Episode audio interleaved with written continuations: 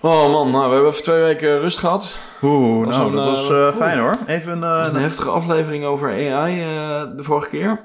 En dan vooral over... eh, Eigenlijk ging het helemaal niet over AI, maar we hebben het uiteindelijk toch weer over AI gemaakt. Waar het hart van vol is, waar het de mond eh, van over.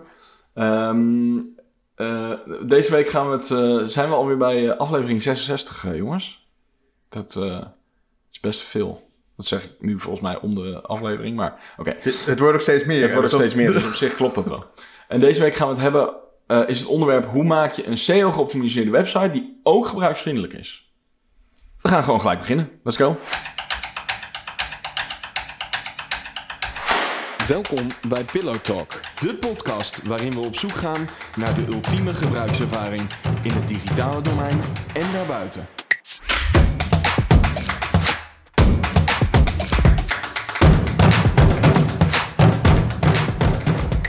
Ik ben Milan van Brugge, account director bij Pixelpillow.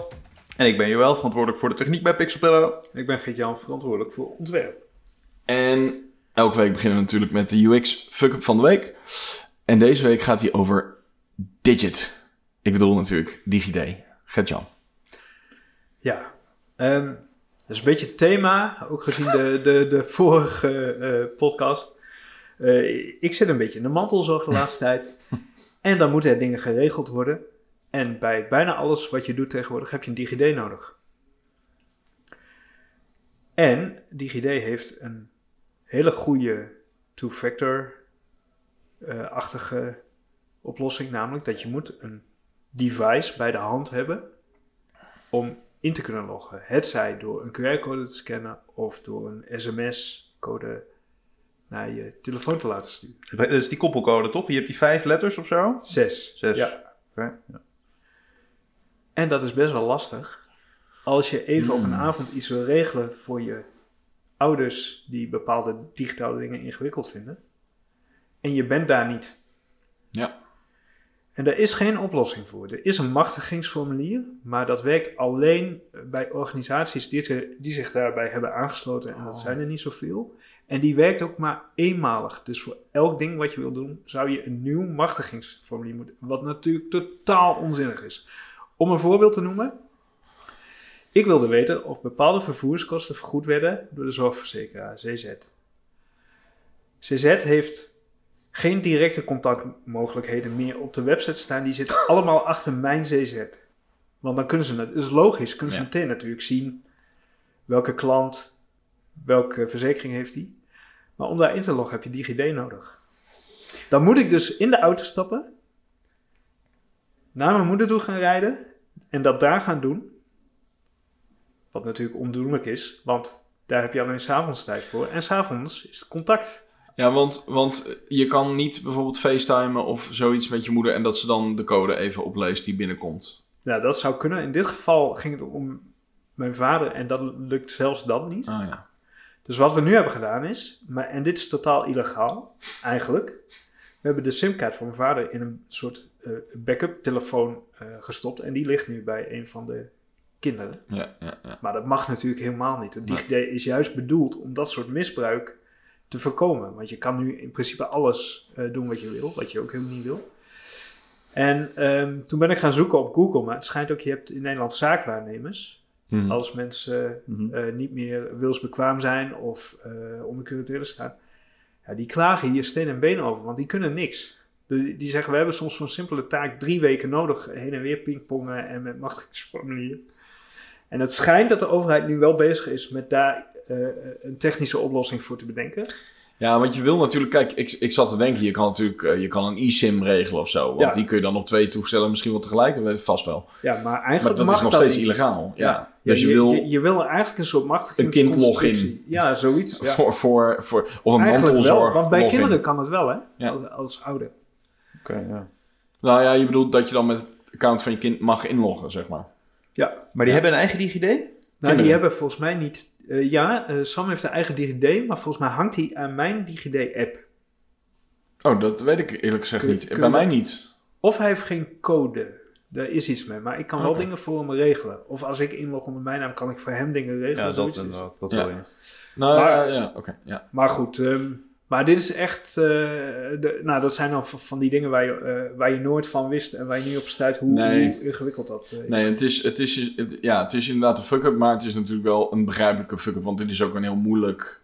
je, het is ergens natuurlijk prijs, te prijzen dat ze het, dat ze het zo goed...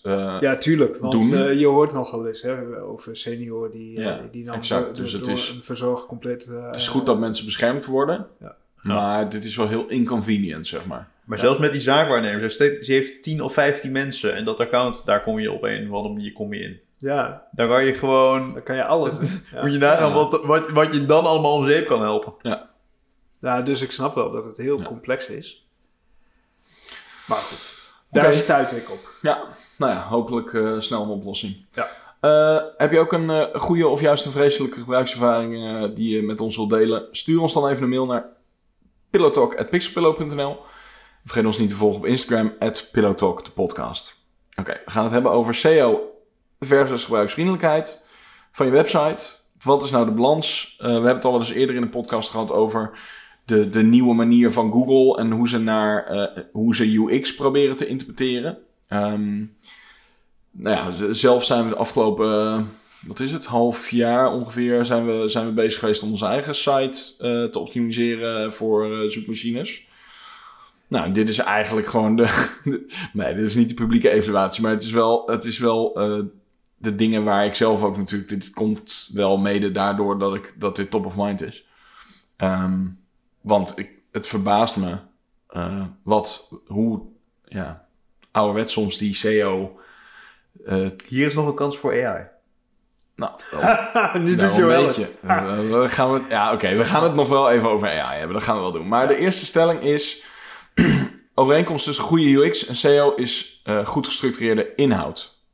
Is dat dus eigenlijk, dat is waar, eh, eh, dat is het raakvlak tussen de, de goede ehm, gebruikservaring en SEO? Ehm, is dat zo? Is, is, de, is de structuur wat iets gebruiksvriendelijk maakt en goed maakt voor SEO? Is dat waar je op moet focussen? Ik, ik, zal ik beginnen? Ja. Ehm, eh, ik, ik merk wel dat. eh, eh, het, is, het is, denk ik, voor beide belangrijk. Dus voor SEO is een goede structuur duidelijk. Dus als jij zeg maar je, je pagina goed structureert en goed opdeelt met headers en, en duidelijke indeling van content, zeg maar. Dan is dat volgens mij voor een gebruiker goed. Ja. Eh, en voor SEO ook. Maar, maar dan zeg ik nog niks over de inhoud van die koppen en teksten. Hè? Dus het gaat puur over de structuur. Hebben jullie daar een, een, een... Daar kan ik me wel aan vinden. Ja, dat kan ik me ook. Nou, mooi, dan kunnen we door. Nou, Eh, geen twee. Nee, maar dat is wel... Nou, misschien kunnen we hem even omdraaien. Wat, wat zijn de... ehm, dit, dit zijn dan... Nou, mooi, daar zijn we het over eens. Dit is wel de overeenkomst. Nou, Maar één- wat is de tegenstelling? Waar, waar gaat het mis? Nou, één ding wat ik hier dan... eh, eh, ja, dan kan je natuurlijk zeggen, wat is dan de inhoud en wat is gestructureerd? Maar bijvoorbeeld de, de categoriepagina's op webshops waar dan een plem SEO-tekst, zeg maar, boven of onder, zeg maar, staat. Ja. Je zou kunnen redeneren dat het goed is dat je nog even herinnerd wordt aan wat zo'n... Wat een tv ook alweer is. Ja. Wanneer die uitgevonden is bijvoorbeeld. Ja. Ja. Door wie? En, Ja. ja. Ja, dat klopt. Maar aan de andere kant, ehm, dat is misschien wel, ik ga even heel flauw doen hoor, maar dat is misschien wel de reden dat je uiteindelijk via Google die site hebt gevonden waar je je droomproduct kan bestellen. Droomproduct ook. ja. Ja, ik eh, doe het even in marketing. eh. Ja, maar goed, maar, maar dan is Google gebruiksvriendelijk, maar niet per se de pagina waar je dan belandt jawel, nou, de, je, die pagina komt hoog, dus je vindt wat je zoekt omdat die hoog in Google komt. En die Ja, content, maar- als die detecteert dat echt de gebruiker zit, dan verbergt hij iets. Dat, oh nee, dat mag niet meer. Nee, dat mag niet. nee, ik zit gewoon eventjes eh, om te denken natuurlijk. Nee, maar goed, maar daarom zeg ik, dan, is het dan maakt het Google gebruiksvriendelijker. Want door het gebruik van Google vind je wat je zoekt. Mhm. Maar als je eenmaal op die pagina bent, wordt het er niet gebruiksvriendelijk. Ja, maar dat is ook de vraag, want het staat onder alle producten. Dus heb je er dan last van? Nee, dat, ja, nou ja, Joël die zei, eh, de ja, meestal Nee, is het wel. De onder. Ja. Ja. jawel, zei de onder. Nee, dus dat soort dingen. Kijk, als je doorscrollt... Heel veel mensen zien het niet eens. Want die kijken gewoon naar producten en klikken door. Eh, dus je zou kunnen zeggen, nou, dat zit het nog niet echt in de weg of zo. Het, ik krijg wel altijd een beetje rillingen als ik het zie, maar dat is ook een beetje omdat, jij, omdat wij weten waarom het daar staat en de redenen, zeg maar. En dat je dan denkt van ja, uh, ja, I, I, see what you're doing. Maar ja, ik denk dat de gemiddelde gebruiker niet in de weg zit. Maar zijn er gevallen waarin, uh, waarin het elkaar wel bijt? Waarin het echt, hebben jullie wel eens iets gezien van waarvan je dacht, ja, dit is duidelijk SEO, maar het slaat echt helemaal nergens op. Dit zit mij als gebruiker in de weg. Qua structuur. Ja, de opbouw van uh, tekst, denk ik. Hmm. Puur van, van tekst zelf. Ja. ja dat die gewoon onlogisch is, omdat ze bepaalde keywords boven in het artikel willen hebben. Ja, oké, maar dat schaar ik dan nog wel even over inhoud, maar meer qua layout en structuur van hoe een site of een pagina is opgebouwd. Heb je daar wel eens dat je. Nou ja, wel, wel als je. Um, de, misschien is het een branding. Als jij heel erg chic minimalistisch uit wil stralen uh, en je moet een hele lap uh, SEO-tekst ergens kwijt, dan bijt het dat wel, vind ik. Ja. Dat doet wel ja, precies, afbreuk dus, aan, aan de de eenvoud en, en, de, en, en de stijl van de, van de website. Ja. En je ziet het ook. Um, ik zit de laatste tijd af en toe naar de Nike-site uh, te kijken. En die, eh, die hebben best heel basic ontwerp. Heel no-nonsense. Hmm. Het product moet het werk doen. Ja, die hebben SEO niet nodig, denk ik. Nee. En daardoor eh, kunnen ze ook dat soort dingen, die zie je ook gewoon niet op die, web, eh, die websites, hè, die blokken SEO-tekst. dat is voor hun gewoon niet. Dat boeit echt niks. Nee, maar dat is inderdaad wel grappig. Als je zo groot bent als een Nike, ja. dan kun je met branding, heb je ook het budget om, om echt uh, flink wat aan, aan zichtbaarheid, nou ja, gewoon op ja. straat en gewoon in, in buiten SEO ook gewoon zichtbaar te zijn ja, dan heb je natuurlijk dat niet meer nodig. En dan zoeken mensen ook waarschijnlijk veel eerder naar Nike dan naar een schoen. Ja. Dus dan, dan is, komen mensen al bij je voor het merk. Ja. Maar dat is natuurlijk, ja, dat is inderdaad voor de, de, de grote merken is dat weggelegd. Maar voor de kleinere organisaties niet. En we, die, ja, dat voorbeeld hebben we inderdaad, laatst, iemand gaf dat voorbeeld inderdaad dat Zalando daar in ieder geval vroeg mee was dat ze inderdaad op de categoriepagina van jurken, dat ze dan ook de geschiedenis van de jurk gingen uitleggen eronder. Ja, ja dat, is, het zit, al, dat zit dan niet echt in de weg, maar is wel een beetje obvious. Maar ik zou eigenlijk, qua structuur denk ik, heb ik niet zo heel veel dingen dat ik denk van, ah, dit is echt heel irritant. Of uh, inderdaad vooral... Nou, menu, menu oh. uh, inconsistente menu, menu. Ja, inconsistenties. Nee. Dat is wel Ja, of dat je een groep en een, en een, en een uh, eindstation zeg maar, in het menu op hetzelfde level presenteert, omdat dat dan goed is voor uh, SEO of zo. Dat je denkt, Ja. maar dat is helemaal niet logisch. Maar dan gaan we toch even naar de inhoud van, van hoe Ja, dat mensen het invullen. Want dat, is, inhoud. dat zit er een beetje tussenin. Maar op zich, de, de overeenkomst eh, tussen UX en SEO, dat structuur, dat dat wel een soort van... eh, hetgene is wat, wat elkaar niet echt heel erg bijt. Dat, daar zijn we het dan denk ik wel over eens. De tweede stelling is traditionele SEO-tactieken worden steeds minder bruikbaar. Nou, dan heb je het dus over eh, dat elk woord in de navigatie begint met het hoofdonderwerp van de site, waardoor je totaal niet meer kan scannen. Ja. Toch? Dat is wat jij net bedoelde, toch? Ja, en ook eh, in ons geval eh, een, een artikel waar dan bepaalde woorden in voor moeten komen, omdat goed voor SEO, terwijl het eigenlijk een, beetje, een beetje erbij getrokken is. En Mhm. dat voel je dan ook wel als je het leest, dat je denkt, oh, dit is een rare afslag. Ja, ja. Ehm, ja, dat soort dingen. Da- dan gaat het elkaar wel echt bijten. Dan ben je, ehm, de, dan, dan ben je de content minder goed aan het maken om het voor SEO beter, voor de gebruiker, om het voor SEO beter te maken. En, en dat vind ik dan wel echt lastig. al- Ja, altijd. vind ik ook. Ja, dat, dat, dat doet toch een beetje pijn als je, Ja. als je gewoon, als je het doel is om kennis te delen bijvoorbeeld. Ja. En je schrijft een goed artikel en er komt een eh, SEO-consultant en die zegt, ja, ja, is leuk. Maar eh, hij moet eigenlijk nog even twee paragrafen er precies in het midden, Ja. met deze koppen. Ja. Ja, die lezen niet zo lekker. Nee, Hij Ah, is wel goed voor SEO. Ja. Ja, dat is heel vervelend. Dat vind ik zelf ook wel. Maar En datzelfde is- met die hoofdmenustructuren. Dat je denkt, ja, maar, Maar wat nou, hè? Wat is dan het omslagpunt? Want wat nou als even, of het nu nog werkt, dat, bedoel, wij zijn met z'n drie geen SEO-experts, maar eh, stel, stel dat het nog wel zou werken nu, hè? Dat, dat weet ik niet precies, maar stel dat het nog wel werkt. Je doet in de navigatie, zet je die, die termen vooraan, waardoor het minder bruikbaar wordt, en je zet in dat artikel die twee paragrafen die totaal het verhaal kapot maken. Maar het zorgt er wel voor dat je 10 uh, tien leads binnenkrijgt, waardoor je één hele grote klant binnenhengelt. Is het dan voor ons persoonlijk de moeite waard? Perso persoonlijk, persoonlijk? Ja, de, nou ja, voor Pixpillow? Of nou ja, en persoonlijk? Je mag ik denk, twee... ik denk, ik denk dat Gert-Jan het...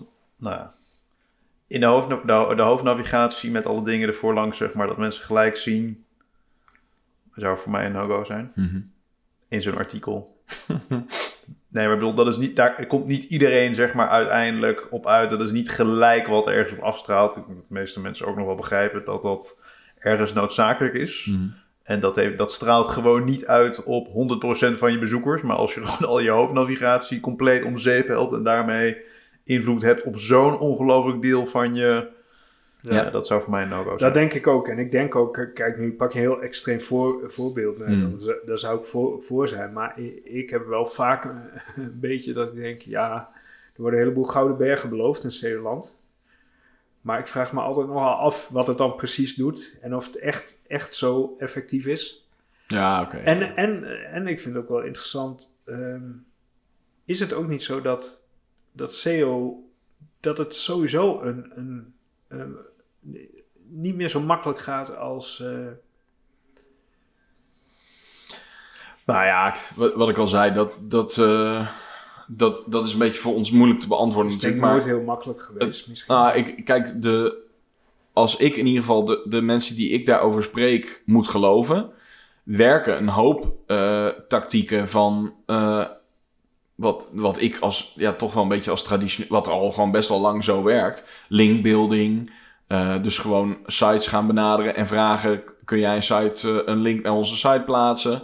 Eh, je moet natuurlijk wel, je moet het wel goed doen, dus het moeten wel relevante sites zijn. Dus bijvoorbeeld als wij een linkje van de, de IXD Foundation of zo, wat is het, zo'n die, die internationale organisatie voor eh, interactieontwerp. Ja, als je daar een linkje eh, eh, naar je eigen website naartoe kan krijgen, is dat natuurlijk super relevant. Nou, dat, is, dat werkt al volgens mij 20 jaar meer- geleden. 20 jaar hetzelfde, bij wijze van spreken. Zal ongetwijfeld, even sorry voor alle mensen die wel verstand van, echt verstand van SEO hebben en hier allerlei gaten in kunnen schieten. Maar in de basis werkt het al heel lang hetzelfde. Eh, maar ook, eh, eh, ja, toch die keywords, dat is wel veranderd. Vroeger plemte je een heel, heel artikel vol met één woord en dan werd je daar gewoon op gevonden. Dat werkt inmiddels niet meer zo.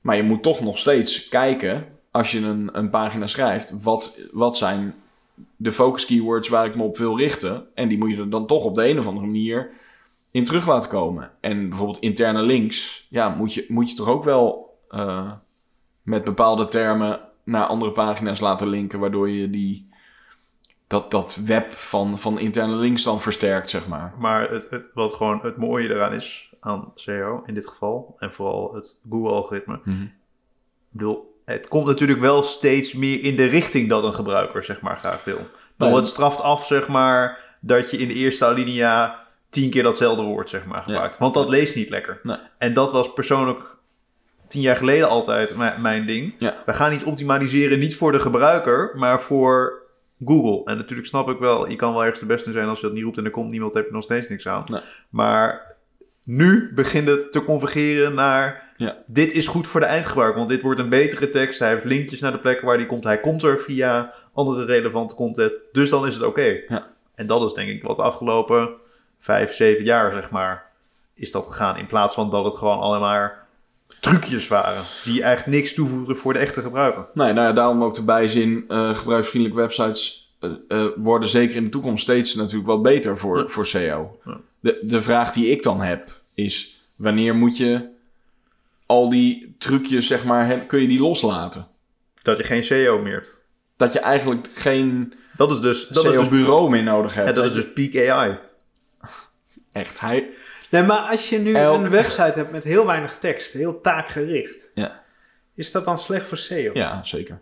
Ja, maar terwijl het- eigenlijk is dat onzinnig. Want, want je website, die, doet, die lost misschien precies voor mensen op. Ja. Ja, dat eh, heb je een- echt een heel goed willen. punt. Ja, dat vind ik ook. En, en eh, het wordt wel gecompenseerd natuurlijk doordat als jij een heel groot probleem oplost, dan wordt er waarschijnlijk heel veel naar jou gelinkt. Ja. En dat compenseert natuurlijk enorm. Maar ik zat ook te denken, hè, eh, wij- wij hebben een klant nu die, eh, Ehm, eh, die kende ik eh, eh, ook gewoon via Google. Die, eh, die verkopen hout en die maken bijvoorbeeld blokhutten. En dan hebben ze YouTube-filmpjes waarin dat uitgelegd staat. Nou, hoe je welke kan zou dat nou zijn? Ja. YouTube-filmpjes, buitenhout. Nee, ook op TikTok, hè? Als Ik zei Oh, zei je geen buitenhout? Oh, heb ik het gezegd? Shit. Maar die, eh, die. Ik was met het oriënteren op zo'n zo'n blokhut. En ik vond het echt super. Dat, die filmpjes waren echt heel goed. Die legden echt van stap tot stappen uit hoe, hoe je dat moet doen. Ja. Dus je komt er via SEO. Ja. Maar mijn, ehm, eh, mijn mening over dat bedrijf is heel positief. Omdat, ze, omdat dat filmpje zo goed was. Ja. Ja. Dus ik zit me dan af te vragen. Als je nou eh, zo'n artikel eh, slecht maakt. doordat je allemaal SEO-dingen erin gooit. En iemand komt er dan wel. Mhm. Maar die leest vervolgens een beroerd artikel. Ja. Wat doet dat dan? En de SEO-partij die meet maar tot aan dat ze er landen. Maar die, leed niet, die, die meet niet wat, wa- wa- wa- Dat is wel waar. met welke mening eh, Nou, de bezoeker zou vervolgens eigenlijk zou, zou, je, zou je bijna zeggen dat je niet zoekmachine-optimisatie moet doen, maar dat het meer eh, klantreisoptimisatie Ja. is. En dat SEO is de manier om er te komen, maar dat je eigenlijk niet kan zeggen of een klant. eh, ehm, Dus een beetje met die kussentjes van Herman Vinkers. Weer verliet een tevreden klant. het Nee, ik ken het dat je hem gewoon naar de, ja. naar de concurrent hebt gestuurd. Verkoopt u kussentjes? ja. We hebben ze wel, maar we verkopen ze nooit. Mooi, zoek maar op op YouTube. Maar, maar, Ja. maar, de- maar dat is een, beetje, ja, je wil toch, ja, eigenlijk die SEO-bureaus zouden zich moeten committeren, inderdaad. Ja, dat is natuurlijk heel moeilijk, dat snap ik ook wel, dat is allemaal niet meetbaar, maar, maar, maar aan, aan, aan de hele klantreis en niet alleen aan van landen ze daar. Nee, maar dat is wel, ik bedoel, het is. eh, eh, dat, dat, ik snap ook dat het heel moeilijk is. Wij, misschien zeg- kun je dat ook van ons zeggen. Ja. Wij zouden ons ook aan de hele klantreis misschien moeten committeren, Ja, maar dat doen we ook is- niet. Dat is bijna niet Het is ook niet te doen. Dus ik snap wel dat het niet gebeurt. Maar het is inderdaad, ik herken wel heel erg wat jij zegt van. Nou, hier heb je ze. Ja, Ehm, we weten niet wat de kwaliteit is, Nee. eh, maar zoek het uit. Eh, en dat is ook prima, want wij kunnen die kwaliteit beoordelen en ze vervolgens eh, er iets mee doen. Maar het is inderdaad wel. Ja, het is wel de. de ehm, de, de kwaliteit van de bezoeker eh, hangt natuurlijk sterk af van hoe ze, hoe ze je vinden en, en wat je vervolgens te lezen of te zien krijgt. Maar ik vind het wel een interessante balans dat. stel nou dat je, wat je wel zegt, de, de, dat in principe de basis van je content supergoed is. Maar dat je heel veel landingspagina's maakt om er maar gewoon voor te zorgen dat mensen bij je komen. Ja. En je, hebt dan, je compenseert het daarna met goede basiscontent en bijvoorbeeld die video's. Ja.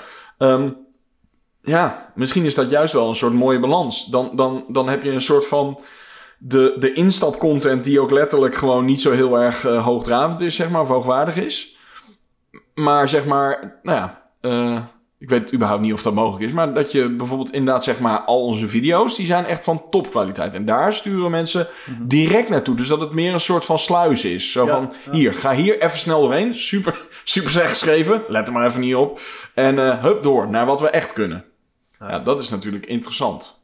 En er zijn sowieso natuurlijk allerlei SEO-strategieën die nog heel goed eh, werken, ongetwijfeld. Maar, nou, oké. Ehm, zullen, we, zullen we door naar de volgende? Ja. Eh, hoogwaardige inhoud en goede UX zijn een must om hoog te komen in zoekmachines. Ehm, dit is eigenlijk het linkje naar nou, waar het heen gaat, zeg maar. Wat, wat Google nu ook al doet met zijn eh, nieuwe algoritmes, zeg maar, waar UX eh, ook mee speelt. Kunnen we dat nog eh, een beetje opfrissen uit even van de top van Ja, de- er zijn, een, er zijn een aantal metrieken die zij opgesteld hebben. Bijvoorbeeld, je had vroeger, of je had eh, al heel lang had je dingen als eh PageSpeed, die bepalen hoe snel een website ingeladen wordt. Maar er zijn ook dingen aan toegevoegd als ehm, eh, hoe zo'n pagina gerenderd wordt als die opbouwt. Nou ja, de interactiviteit van de pagina, maar ook dingen als mobile usability, zeg maar. Zijn, dat, dat, is, dat is een van de, volgens mij, een van de weinige dingen die erin zitten, die echt op, echt op, op interface niveau, zeg maar, die niet, op niet technisch, zeg maar. Dus is er, is het formaat van deze button groot genoeg voor mobiele gebruiker om daar zijn vinger op te plaatsen? Exact, ja. Is natuurlijk een heel klein, of is de tekst te klein om goed weer te geven op een mobiel device? Ja. Kijk, dat zijn dingen, die, dat is echt UX. Dat heeft niks... Dat is wel technisch geïmplementeerd, maar is geen technische implementatie. Ja, het doel is om te kijken of het een goede Bruikbaar oplevert. Ja. Ja, ja. En ehm, is... Ja, ik, ik denk wel dat als ik deze stelling zou moeten beantwoorden... Ik hoop zo snel mogelijk. En, maar ik denk dat het sowieso... Het gaat die kant op. Ik bedoel, sowieso Google stuurt het die kant op. Dat is niet voor niks. Ehm, maar het zou mooi zijn als het heel snel kan. Want dan kunnen wij gewoon kwalitatief goede content maken... waar we hoog mee eh, eh, scoren. Eh, en dan hoef je dus niet die sluis te creëren waar je dan... Ja, maar ik denk ook wat jij net zei over... ehm, het is tweeledig. Google die ziet, die ziet de content. En de, eh, dat is eigenlijk meer de, flauw gezegd, het kwantitatieve gedeelte. Mhm. En dan heb je dat externe links. Die zeggen iets over de kwaliteit. Want mensen gaan over het algemeen, tenzij ze ervoor betaald worden, linken alleen echt naar de goede content toe, organisch. ja.